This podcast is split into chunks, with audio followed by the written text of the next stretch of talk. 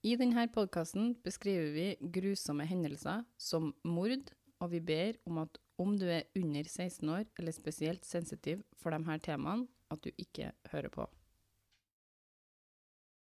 Velkommen til The Almighty Christmas House from Maria. Her har det vært dekorert siden november. Tidlig november. I Mange, mange uker. Tidlig november er å dra den langt. Juletre og alt i november, Maria. Første advent. Jeg ville ha spydd av det. Julenissen har jo vært inn her og spydd, da. Skjønner du? det? Det har han. Han har hatt diaré inn her. Mm.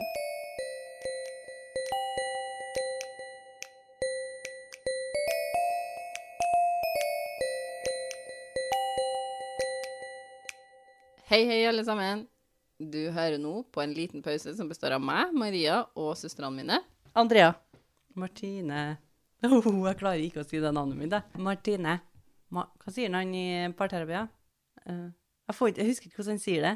Mar Martine. Martine. Han i Jeg parterapi. Han sier det sånn. Ja, han, ja. Riktig. Martine.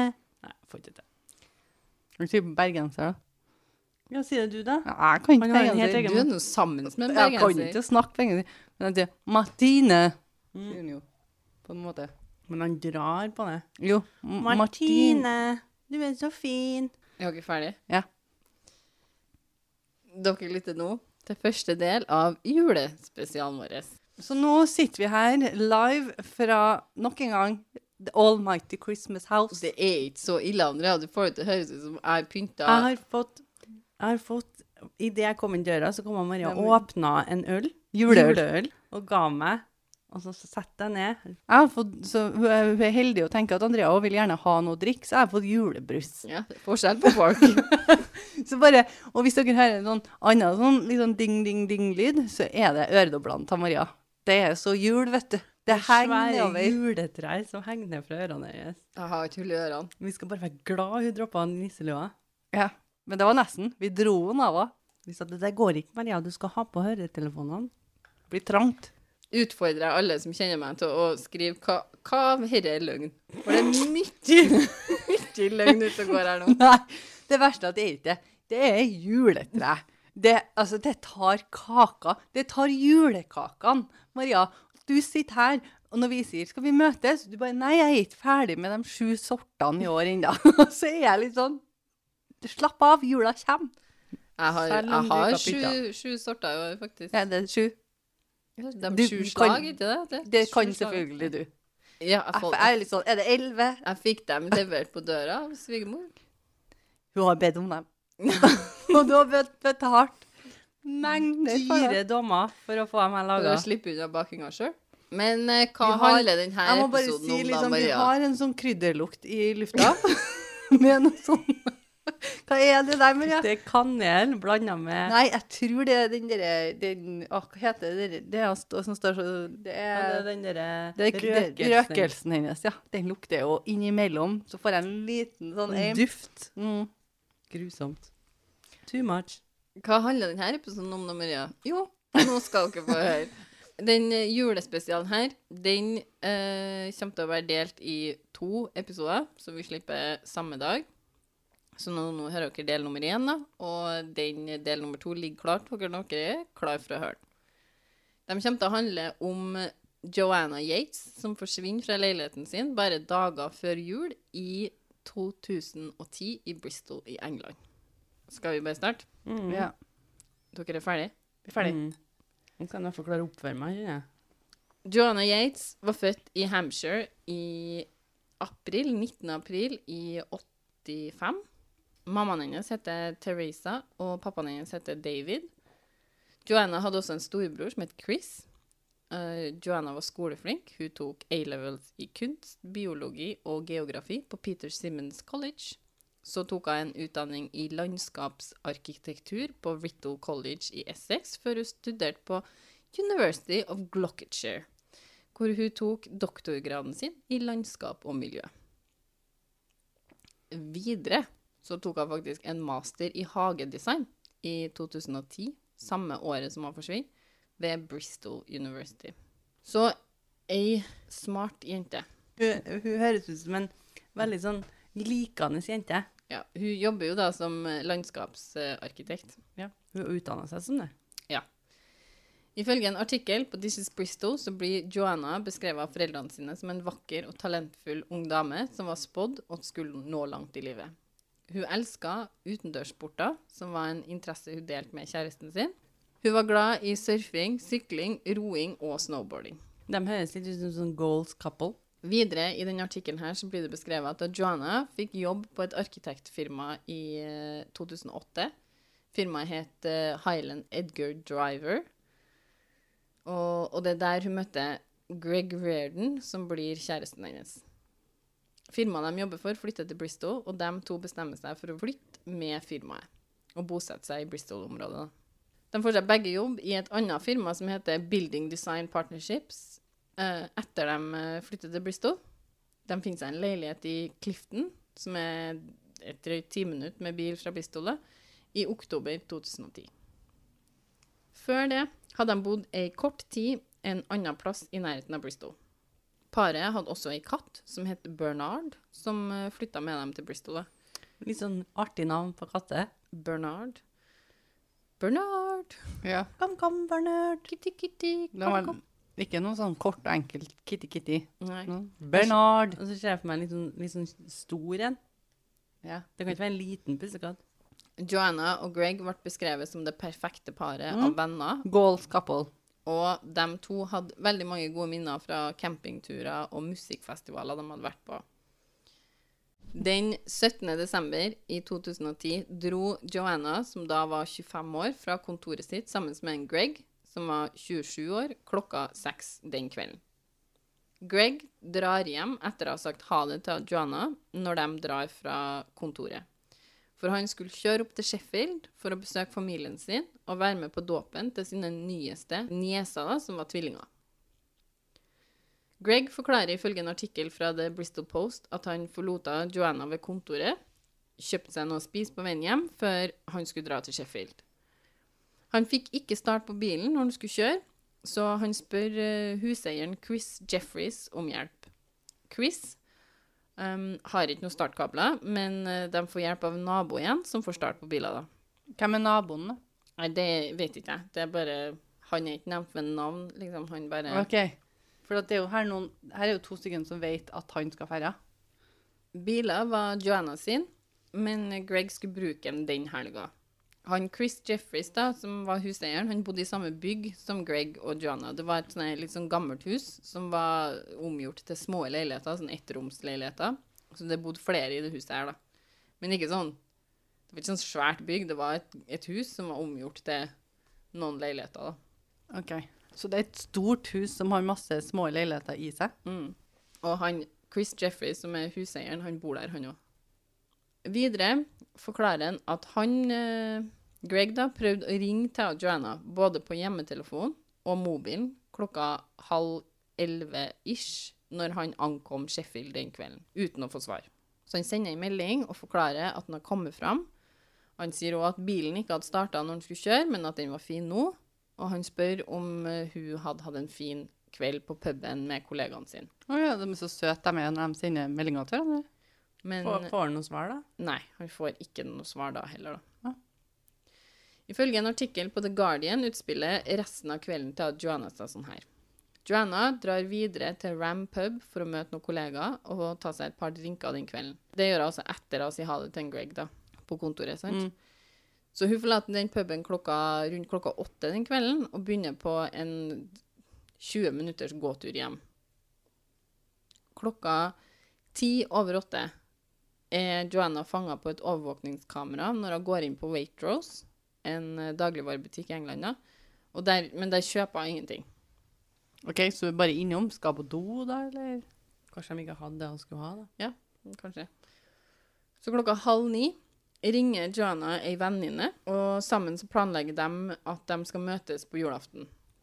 Nå feirer jo England selve julefeiringa si første juledag, på Christmas Day, liksom. Ja.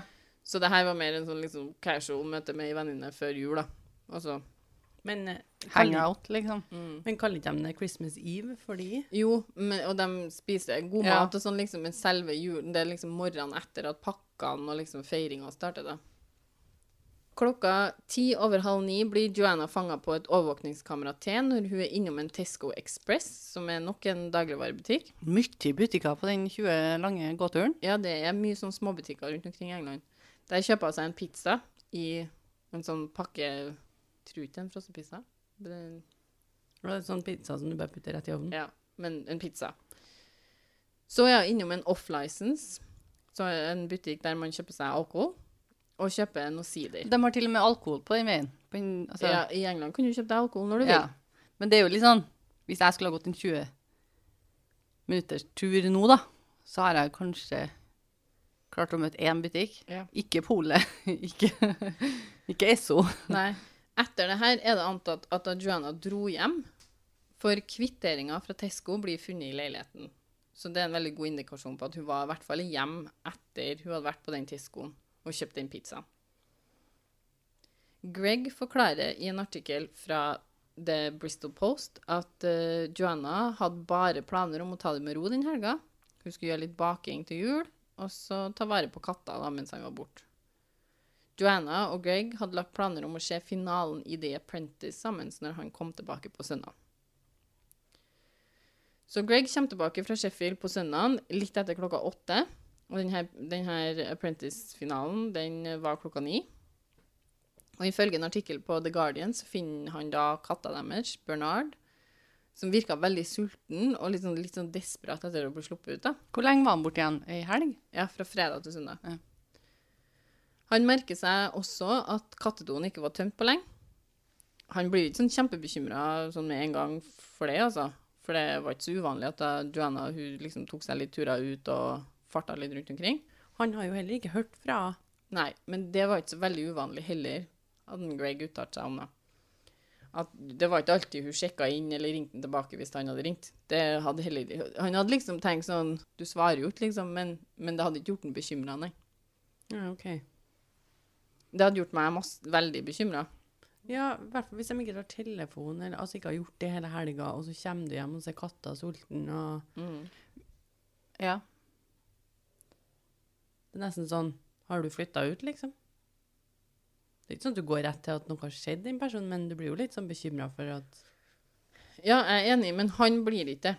Nei, jeg, vet, jeg tenker at det er litt sånn som han det, Du rasjonerer jo det med et eller annet. Hun har sikkert dratt ut, sikkert glemt å gi katta mat, og så har hun dratt ut, sprunget til vennene og glemt telefonen, liksom. I artikkelen til The Bristol Post forklarer Greg at når han kommer hjem, så var skoen til Joanna i midten av gangen, og flere jakker lå utover gulvet. Et par lys sto på i leiligheten, da, og han forklarer at han tenkte bare da at hun hadde vært litt lat, og ikke rydda opp uh, etter seg før hun hadde liksom dratt ut igjen, og at hun hadde det litt travelt. Uh, jeg tror ikke Lars har blitt sånn kjempebekymra hvis han hadde kommet hjem og jeg ikke hadde rydda opp rundt meg. Han har sikkert tenkt OK, hun slengte seg på sofaen etter jobb, hun.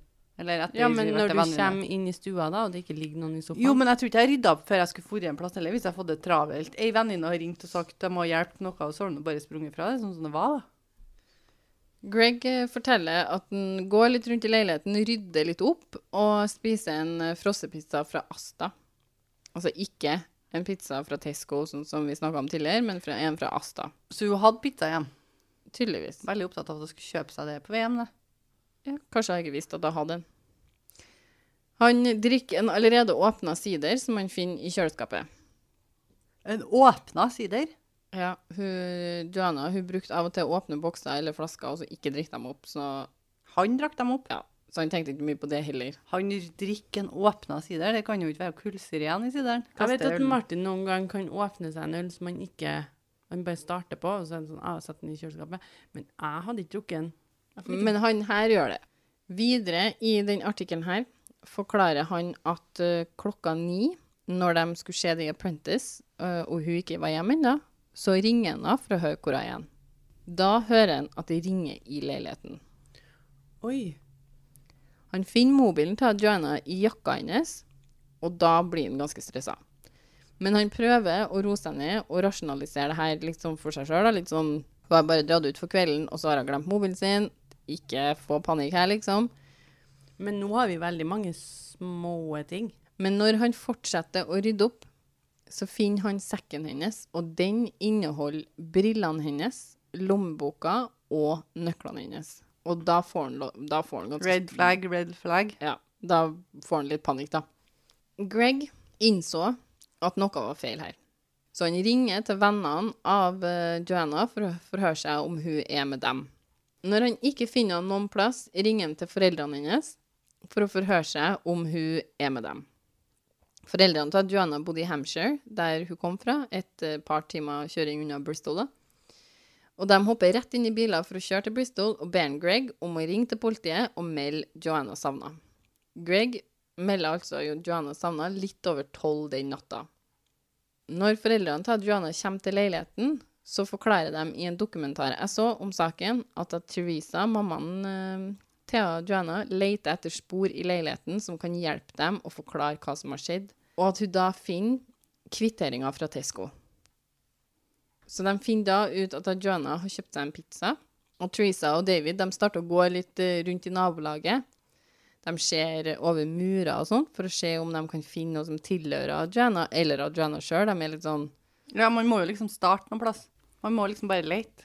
Og mammaen, uh, hun Teresa, hun begynner å slå i bagasjerommet på bilene som står rundt omkring, med en tanke i hodet om at Joanna kanskje hadde blitt bortført og låst inn i en bil, da. Det var veldig kaldt på det tidspunktet her. Eh, godt under null grader. Eh, og det året her hadde hatt veldig mye snø i England òg. I hvert fall i forhold til å være England, da. Så hun Theresa, hun mammaen til Joanna, visste egentlig innerst inn at om hun var låst inn noen plass i en bil, så var det ikke mye håp om at hun skulle være i live. Ja, men sikkert den følelsen av å, å prøve å gjøre noe.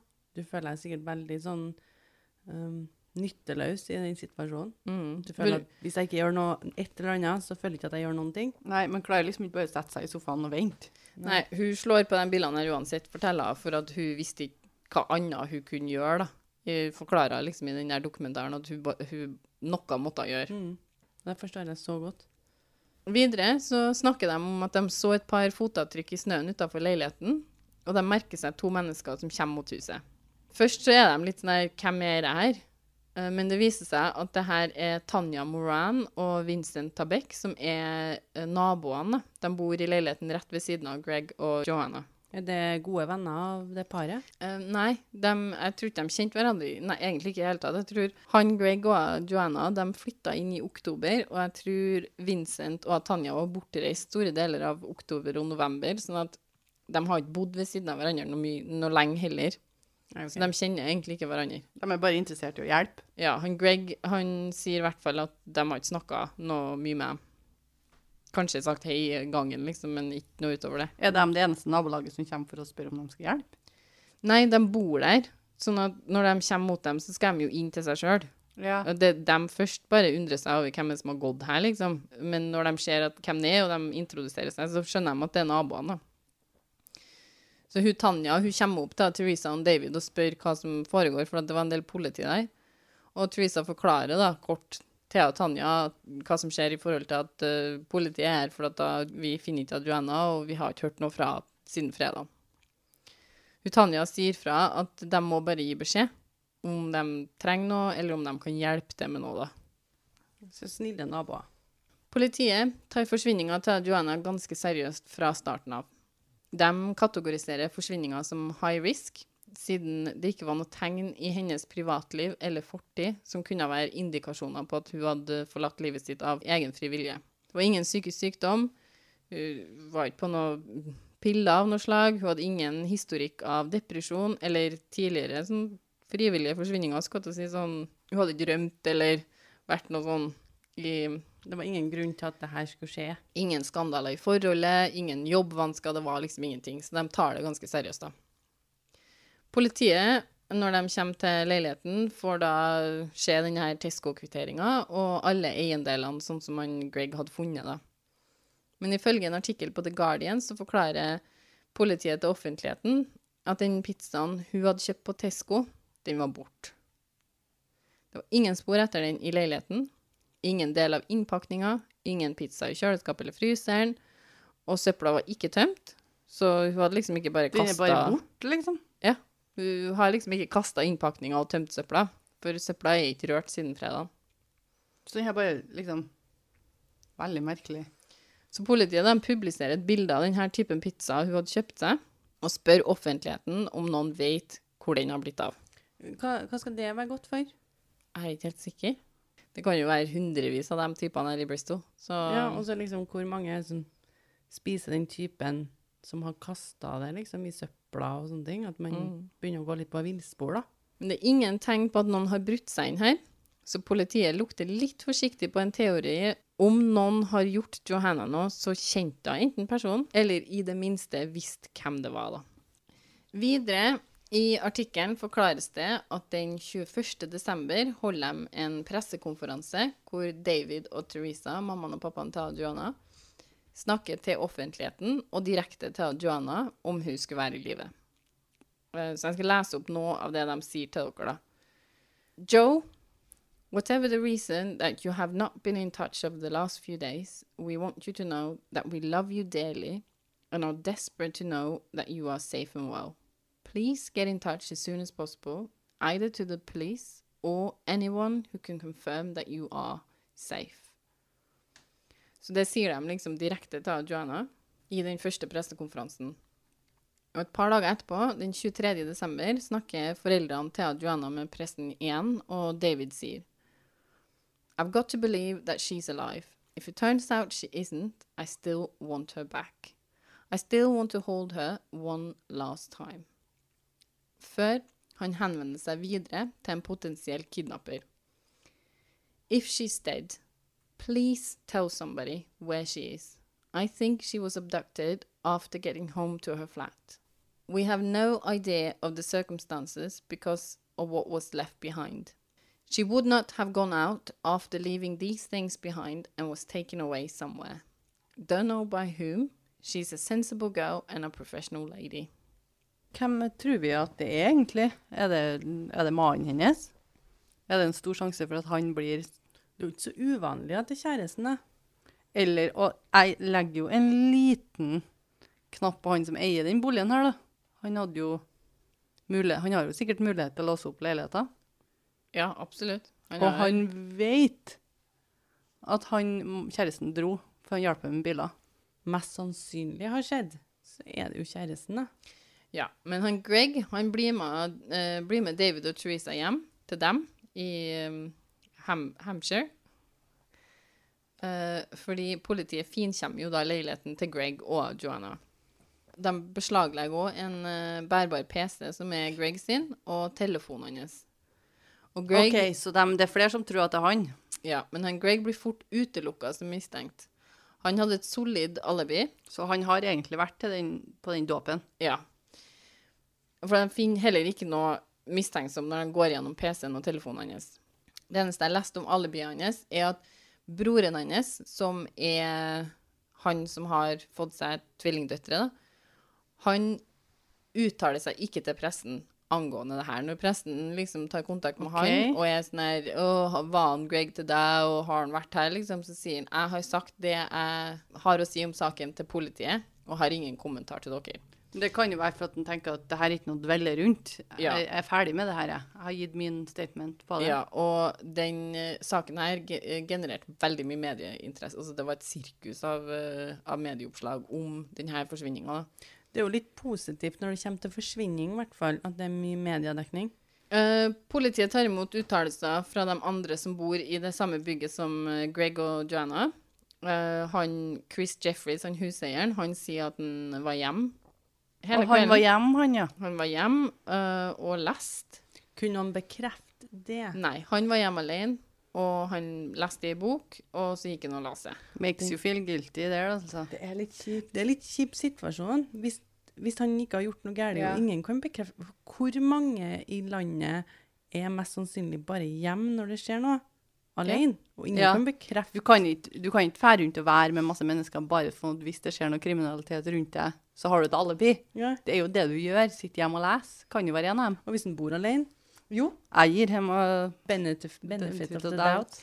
Ja, og han er Vincent og Tanja, de som hadde gått mot, eller kom hjem når eh, mora og faren var der på søndagen. Hun Tanja hadde vært på en, eh, en firmafest, tror jeg. Eller en fest, i hvert fall. OK, så hun hadde alibi. Ja, så hun var uh, på en fest den kvelden, og så skulle han, eh, han Vincent, han kjæresten hennes, han skulle hente henne fra den festen i totida den natta, da. Uh, ellers så hadde ikke han gjort noe. Sa han, han hadde bare vært hjemme. Det er òg to stykker som sier at de hører et skrik i nitida på fredagskvelden. Bor Skrik, ja. Ei bor i bygget, og så er det ei som har vært uh, i en av nabohusene, som hører et skrik i nitida. Et skrik om hjelp, eller et skrik Nei, et høyt skrik. En, en Chris da, som var hjemme på det tidspunktet. Han sier at han ikke har hørt noe skrik. Det gjør jo at han Chris der kan se litt skyldig ut òg, da. Ja, og politiet tenker jo at den, det skriket her må jo ha noe med den forsvinninga til Joanna å gjøre, siden tida stemmer veldig godt med når hun er antatt å være hjemme den kvelden. Chris har òg nøkkel til alle leilighetene i huset, så han blir brukt litt eh, av politiet for å få tilgang til leilighetene hvor folk eh, ikke var hjemme, f.eks. Er en, en Chris hjelpsom?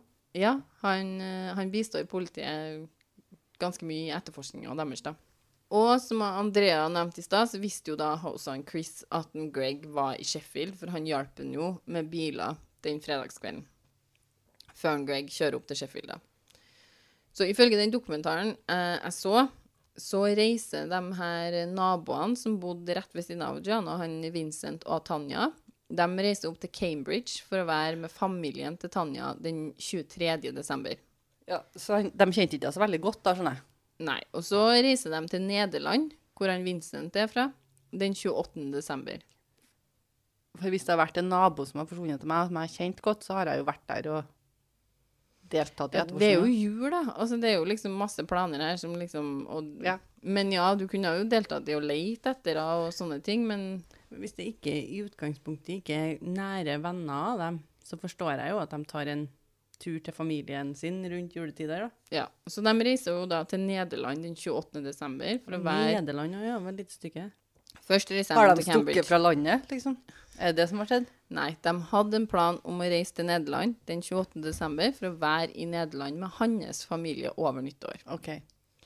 Så, men det betyr jo at de er bortreist av store deler av den leiteperioden her etter at Joanna Og mens det her pågår, så jobber vennene til Joanna og Greg for å prøve å få mest mulig informasjon om Joanna ut til alle og enhver. Ifølge The Guardian-artikkelen jeg leste, så gjør den forsvinninga her at det ble satt i gang en voldsom kampanje med bruk av sosiale medier. Kollegaer og venner av Joanna satte opp ei hjemmeside som var dedikert til å finne henne. De som gikk inn på hjemmesida, kunne laste ned savna-plakater av henne for å henge opp i sine områder. Eh, Man kunne se overvåkningsbildene av Joanna når hun forlot Tesco etter å ha kjøpt den pizzaen den kvelden. Og man kunne koble seg opp til Twitter da, gjennom denne hjemmesida. Facebook ble også brukt. Det her er det mye engasjement, Mm. og mange som deltar i leting. Altså når de bruker Facebook, da, så ber de brukere erstatte sine egne profilbilder med et bilde av Joanna isteden. For å få bildet hennes ut der og Det er jo kjempebra. Altså, Kjempesmart. kjempebra måte å gjøre det på. Ja. Ja. veldig smart. Men den 25. desember, mens resten av England åpner gaver på julemorgenen, så blir det funnet en kropp i snøen. Ifølge dokumentaren jeg så, så går to stykker ut og lufter hunden sin i Longwood Lane når de ser en haug med snø ved siden av en vegg ved et steinbrudd. Først tenker de ikke så mye på det her, og fortsetter bare å gå. Men så var det liksom noe som ikke helt stemte for dem, så de går tilbake for å sjekke ut denne haugen. Og den, den ligger ikke sånn rett opp med der de går nå, så det ser ut som en sånn byggeplass, da. Der, eh, der det er mye steinhauger og sånt, sant. Sånn at hun ligger ikke sånn klint inntil der du går på tur, på en måte, men, men det er en sånn forhøyning i snøen litt lenger unna. Han har prøvd å gjemme det. Ja. Eller han. Vet du ikke om Den, han. altså, den haugen her er, den haugen her er ved siden av en sånn vegg òg, da. Så når de liksom snur og sjekker ut det her, så ser de at um, på den haugen her så er, vises det ei bukse som ligger uten Altså deler av buksa på en måte ligger uten snø, da. Så de tenker at det her må være Joanna. Ja, så Det er ikke så rart at de tenker det, for det har jo vært veldig mye mediedekning om den forsvinninga her. Um, så de melder jo dette inn til politiet med en gang. Og så på Boxing Day den 26. desember så blir det bekrefta at det er Joanna som er funnet, da. Men det tar to dager før de kan utføre en eh, rettsmedisinsk eh, undersøkelse, siden Joanna sin kropp var så gjennomfrosset at det var umulig å gjøre det før. Rapporten den viser at Joanna har blitt kvalt. Og ifølge This is Bristol sin artikkel så konkluderer de med at Joanna sin kropp har ligget i denne avsidesliggende veien i flere dager. De gjør et grundig søk i mange dager der hun blir funnet, i håp om at de skal finne noe som kan lede dem nærmere morderen. Og det var blod på veggen ved der hun var funnet, og de hadde derfor en teori om at morderen hadde prøvd å på en måte dytte kroppen hennes over veggen for å skjule kroppen bedre, da. men hadde mislyktes i det, og derfor dekket kroppen med løv og pinner isteden der den lå. da. En BBC-artikkel forklarer at den rettmedisinske rapporten forteller at Joanna hadde 43 separate skader på kroppen når hun ble funnet. Videre i artikkelen står det at uh, toksologiske tester viste at Johanna hadde drukket ca. 1,5 til 2 halvlitere av sider før hun døde. Altså, hennes sider? De bekrefter at hun ikke hadde spist den pizzaen som ingen fant igjen, og at det siste måltidet hennes hadde vært det hun hadde delt med en Greg til lunsj den fredagen hun forsvant. Politiet jobber videre med teorien om at Joanna må i det minste ha kjent igjen den som angrep henne, siden det ikke var noe spor etter innbrudd, og det var sannsynlig at hun hadde blitt drept i leiligheten sin den kvelden. For de finner også øreringene hennes inn på soverommet. Én på gulvet og én under puta hennes. Så de har en teori om at den som har angrepet har angrepet først øh, i gangen, der det lå masse jakker utover. Og så er hun dratt inn på soverommet og antatt drept på soverommet, da. Så de retter derfor søkelyset på de andre som bor i det huset her. Så den 29. desember blir det rapportert at huseieren Chris har uttalt seg at han så Joanna forlater huset med to andre mennesker den kvelden hun Men de har jo antatt at hun er drept i senga, så da begynner jo den forklaringa å skurre litt. At hun har forlatt huset? Mm. Mm. Men det er, det er en uttalelse han Chris kommer med, da. Så etter han gjør den uh, uttalelsen, så den påfølgende dagen, da, så er Chris blitt pågrepet. Han arresteres, mistenkt for å ha drept Joanna. OK. Ja, riktig.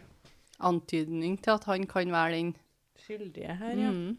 Hvordan kan du forklare han her på noen måte? Er han en, eh, er det en ung mann? Uh, nei, det er en eh, godt voksen mann på 65 år. Ah, ok. Ja, jeg så for meg en litt sånn yngre type. En ting er jo at Chris har jo hatt mulighet. Altså sånn, han, han har jo nøkkel til døra hans. Og han vet at jeg var hjemme alene. Ja. Og så har han sagt at hun har gått ut med to stykker når, han, når de politiet allerede har funnet ut at hun antageligvis blitt drept inn i leiligheten sin. Jeg skal forklare dere litt om en quiz i neste episode. For det her er alt vi har for den gangen her. Så lytt til del to for å høre videre hva som skjer i etterforskninga. Vi sier takk for den gangen her, og vi høres snart. God jul. God jul. Ha det. Ha det.